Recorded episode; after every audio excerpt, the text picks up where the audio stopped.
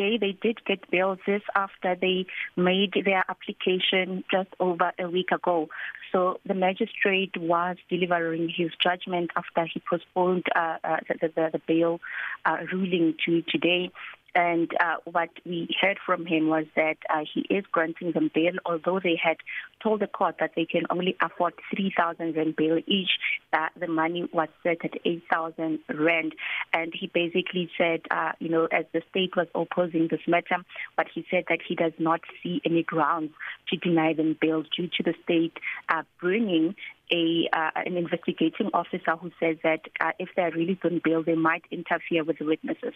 Now, this comes as two of the eyewitnesses are said to be scared to make statements because they are afraid of the accused, and as well as one of the security guards who saw the incident happen at that complex uh, says that uh, during trial he would like to give evidence in camera to you know to fearing for his safety. And that as well a very important factor here the issue of CCTV footage that was deleted from the system. When the police went uh, to that establishment or the complex to find uh, CCTV footage they had found that it had been deleted. And now the police saying that it seems the two or rather accusing the two uh, of having a hand in that. But the magistrate did say that there was no proof that they indeed uh, tampered with evidence. At the time as when all this happened, they were in custody of it. There's also been reports that these men are part of a gang that is terrorizing people in the area. Has any information come out in court regarding this? Well, at this stage, not, but also uh, the, the, the state is what is alleging that they, were, they are part of the gang, and hence uh, some people are scared to even come and testify against them.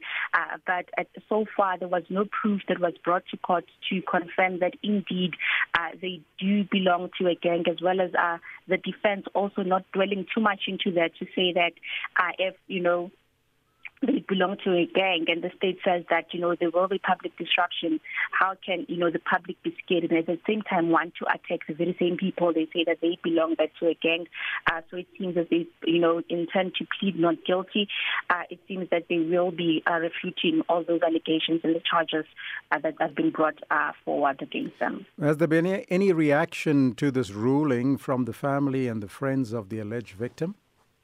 Yes, there has. Uh, we've been speaking to the family census. They've been attending uh, the proceedings, but the victim has not been uh, attending the proceedings and he's also not speaking. But the family spokesperson uh, did talk to us today, that is uh, Kujo Semeja, and saying that they are dismayed uh, at what uh, happened and to say that, you know, they, they believe that this was indeed a racial attack and they believe that the judge or rather the magistrate was very lenient uh, with the accused. Uh, uh, they said that he shouldn't have gotten bail. So they basically uh, expressing uh, their disappointment with the fact that he got bail, but also the defense coming to say that the, the law took its course, it prevailed, and the fact that uh, a black man or and a white man are fighting does not always mean that it, it, it's a racial incident. So basically, it's going to base his argument on that and saying that they're waiting for trials uh, and waiting for the state to prove that indeed this was a racial attack.